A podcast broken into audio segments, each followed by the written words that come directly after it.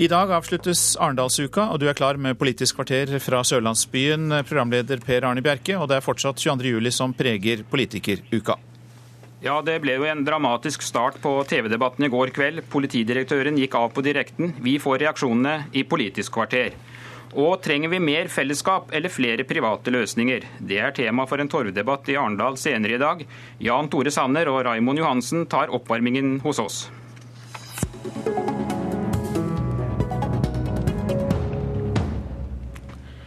I går kveld kunngjorde altså justisministeren på direkten her i NRK at politidirektør Øystein Mæland går av. Var dette en nødvendig avgang, leder i Fremskrittspartiet Siv Jensen?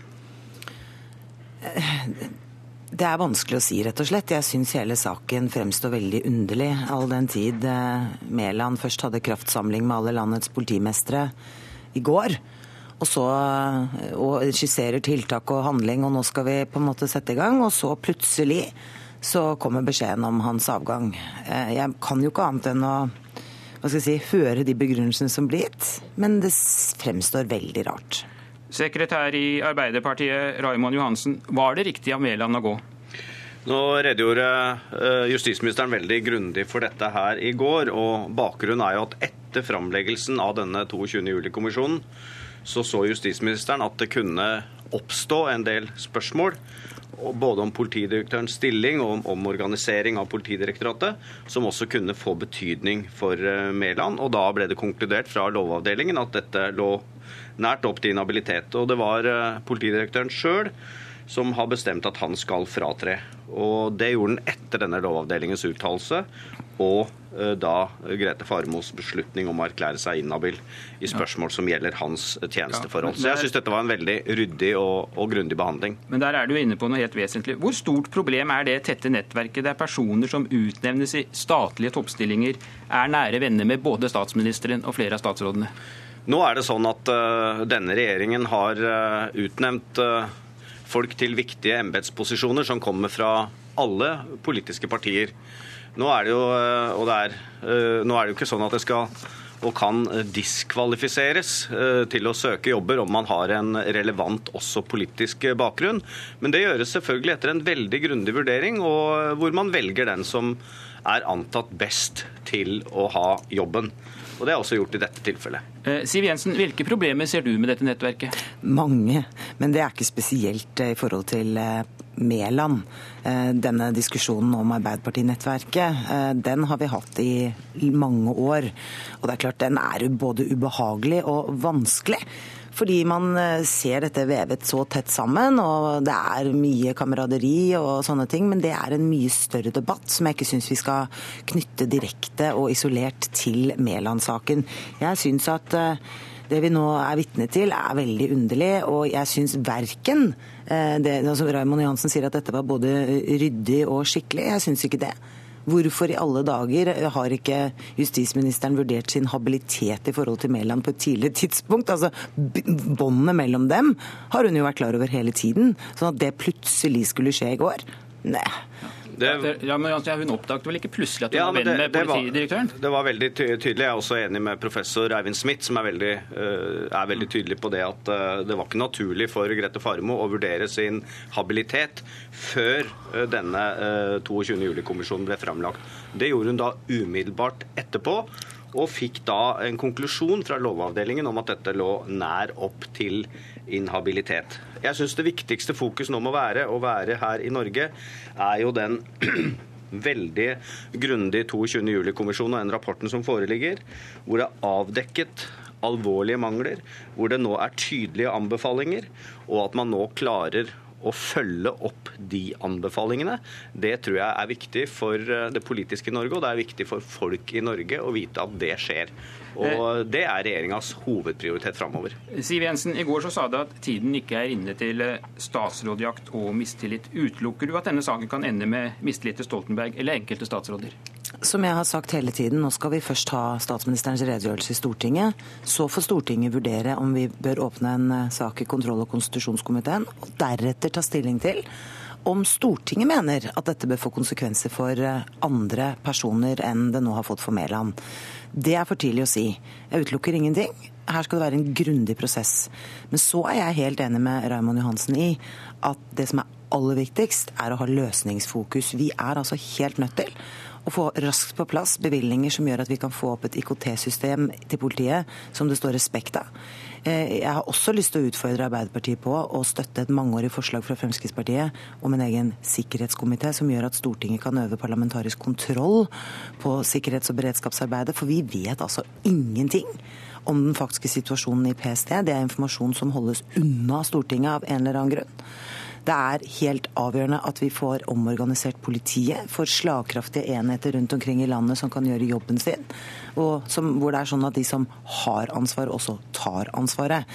Trygghet koster, men det å ikke eh, forberede seg på det verst tenkelige, det er altså mye dyrere. Eh, Raymond Johansen, trenger vi en egen sikkerhetskomité, slik Siv Jensen nå tar til orde for? Jeg er i hvert fall helt enig med Siv Jensen i at på bakgrunn av redegjørelsen, på bakgrunn av stortingsmeldingen, så er det viktig uh, at man uh, treffer de riktige tiltakene, at man vender alle steiner. Uh, og da kan det være sånne forslag som Siv Jensen nå kommer med, som blir resultatet av det. Det vet ikke jeg godt nok, men det som nå er avdekket, disse alvorlige manglene, det kan vi ikke leve med. Og det vil bli svært viktig jobb for også den nye politidirektøren og politiet å gjenreise eh, tilliten overfor det eh, norske folk. Og jeg tror det må være hovedprioritet framover. Og vi må lære av denne grusomme hendelsen eh, som var 22. juli. Og det er mange ting som må skjes i deler av, av Norge på det, ikke minst i kraft til å gjennomføre faktisk de vedtakene man har hatt. Og at man også klarer å ha en edruelig eh, debatt rundt dette. Det er utfordring for det, for det politiske Norge. du sitter og nikker, Siv Jensen. Ja, At vi skal lære av denne grusomme hendelsen, det er det ikke noe tvil om. La meg bare slå fast. Det er bare én person som har ansvar for 22.07, og han sitter bak lås og slå. Men statsministeren har ansvar for sikkerhet og beredskap, og det betyr at eh, regjeringen må ta inn over seg at vi har systemer i dette landet som ikke virker. Så har jeg også lyst til å gi et råd. Når man nå skal gå i gang med å ansette en ny politidirektør, så syns jeg man skal lytte til fotfolket i politiet. De som er ute i operativ tjeneste hver eneste dag og har skoen på.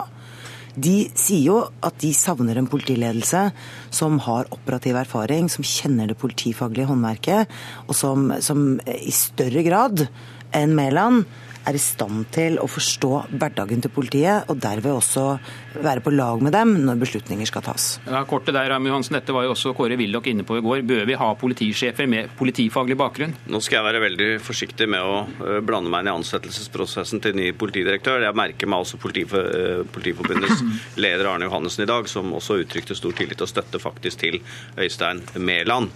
Øh, men det er også en Arbeiderparti nå er det også helt avgjørende viktig at man en, får dette raskt på plass, at det er en grundig og god prosess. Og det er jeg helt trygt, trygg på at det kommer til å skje. Eh, foreløpig takk til deg, Raymond Johansen. Du blir med oss videre. Og takk til deg, Siv Jensen. Da skal vi få inn en ny gjest. Nestleder Høyre Jan Tore Sanner er på vei inn i studio, og vi skal skifte tema.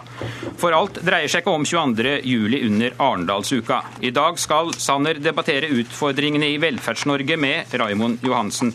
Og Jan Tore Sanner, er det flere private løsninger som er Høyres svar for å løse de oppgavene vi står foran i årene som kommer? Vi trenger eh, flere private løsninger. Vi trenger flere ideelle løsninger. Vi trenger mer mangfold for at alle i fellesskapet skal få hjelp når de trenger det. Eh, hvis vi går tilbake til vår regjeringstid, så så vi at helsekøene gikk kraftig ned fordi staten benyttet seg av private tilbud, offentlig finansiert. Under den rød-grønne regjeringen har helsekøene gått kraftig opp fordi man har en allergi mot private løsninger. Poenget er at vi trenger nye ideer og bedre løsninger for å løse en del av de helseutfordringene vi står overfor. Raymond Johansen, eh, hva sier du til? Er det nødvendig å overlate flere av fellesoppgavene til private? Jeg tror ikke vi skal bare dumpe rett ned i en organisasjonsdiskusjon. Den helt avgjørende delen for det norske velferdssamfunnet er at vi har evne til å skape sånn at det faktisk blir penger. At vi har et godt fungerende næringsliv, at folk faktisk er i arbeid, og at de betaler skatt. Da har du et utgangspunkt hvor du har en mulighet til å dele og tilby folk en god utdanning og gode helsetjenester. Vår ambisjon er at alle skal ha muligheten til å være med. Få et tilbud uavhengig av lommeboka. Det er viktig for oss at det er ikke størrelsen på lommeboka som skal være avgjørende for hvilke helsetjenester du får, eller hvilken utdanning du får. Og jeg er enig med Jan Tore Sanner i én ting. Det er ingen grunn til å ha allergi mot private løsninger. Det har alltid, også opp gjennom hele Arbeiderpartiets historie, så har man jo også brukt, brukt, private. Det jeg reagerer på, er at det skal komme inn store multinasjonale selskaper som skal tjene seg steinrike på skattebetalernes penger. Jo, men Raymond Johansen, skal gå til helse. Det er fokus, ja. men vårt fokus er at uh, det er trygt arbeid til alle som faktisk skaper den velferden. Sander? Jeg er helt enig med deg at du trenger et sterkt og robust næringsliv for å finansiere velferden både i dag og i fremtiden. Men Arbeiderpartiets problem det er at de advarer mot privatisering av helsevesenet. Realiteten er at vi nå er i ferd med å få det mest klassedelte helsevesen som Norge noen gang har hatt.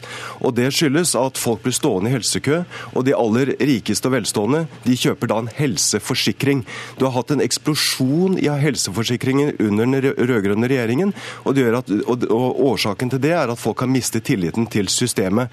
Vi ønsker å ha et system hvor du har offentlig finansierte velferdsordninger, men vi må ha et mangfold i tilbudet. Og og Raymond Hansen, det handler ikke om store internasjonale konserner, men det handler om eh, sykepleieren som har jobbet på det offentlige sykehjemmet i 20 år, men som ønsker å starte for seg selv, som er gründer, og være med å skape en bedre eldreomsorg, slik at våre eldre får mer å velge mellom, mer mangfold og større valgfrihet, mer trygghet i hverdagen. Raymond Hansen, hvorfor er du ikke villig til å prøve nye løsninger når du ja, ser hvordan helsekøene utvikler seg, til tross for det store antallet milliarder det er bevilget gjennom sju år? Man er jo villig til å prøve prøve nye løsninger hele tiden. Jeg tror at hovedfokus må være hvordan vi kan forbedre det offentlige helsevesen. Selv Bærum kommune, hvor Høyre omtrent har styrt siden svartedauden, så er det jo fortsatt Uh, hovedsakelig offentlige helsetjenester, offentlige sykehjem.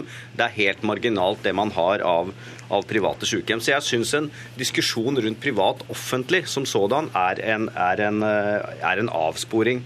Og jeg har også lyst til å si det, uh, Jan Tore Sanner, det er jo ingen grunn til å snakke ned norsk helsevesen. Faktum nå er jo at aldri før noen gang gjennom historien har flere blitt behandlet enn nå. Et, en kø i helsevesen er ikke alltid et uttrykk for mismod eller at ting går dårlig.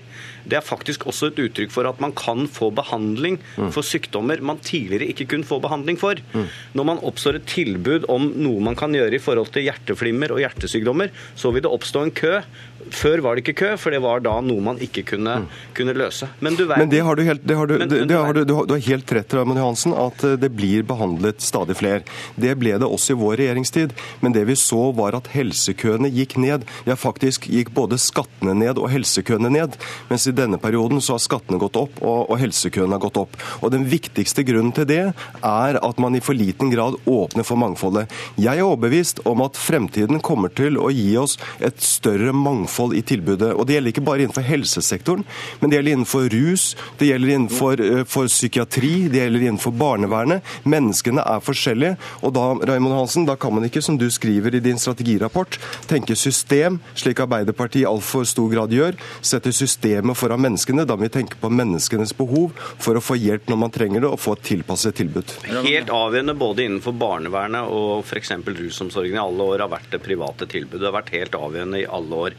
Og eh, fordi at vi skal gjøre en behandling av de rusmisbrukere, folk som har behov for barnevernstjenester, skal kunne få det. Og det er ikke hva, hvem som gjør det og utfører den jobben, som faktisk er, er det avgjørende. Til syvende og sist så vil jo dette dreie seg om penger, Jan Tore Sanner. Det vil også dreie seg om hvor mye penger vi har til rådighet for å løse helse- og utdanningsutfordringene. Og da er det aller viktigste at folk må være i arbeid, slik at de fortrinnsvis klarer seg sjøl, betaler skatt, og at man har penger å gjøre noe med. Derfor er det alltid regjeringas aller viktigste jo, og, politikk er at folk er i arbeid og, og, og det er vi, det, det er, vi vil, ja, det er vi, det er vi, jo, men det er vi enige om. Helt til slutt, Jan Tore. Mm. Da er det viktig at vi også er villige til å bruke de aller største pengene på helse, på utdanning, og ikke på store skattekutt til de som har mye fra før av, slik som eh, du Ja. Du startet, du, ja, du, du startet denne debatten med å snakke om, om verdiskaping. Litt av utfordringen til Norge i dag er vi i ferd med å få todelt arbeidsliv, hvor, eh, hvor eh, den delen av næringslivet vårt som konkurrerer med utlandet, møter et fallende marked. Da hjelper det ikke når dere legger økte skatter på verdiskaping på arbeidsplassene i Norge. Vi ønsker et sterkt og robust næringsliv for å finansiere velferden. Og Der må jeg stoppe dere, og de som vil høre mer av denne debatten, får møte opp på Torvet i Arendal klokka 13. Det var Politisk kvarter fra Arendalsuka. Jeg heter Per Arne Bjerke.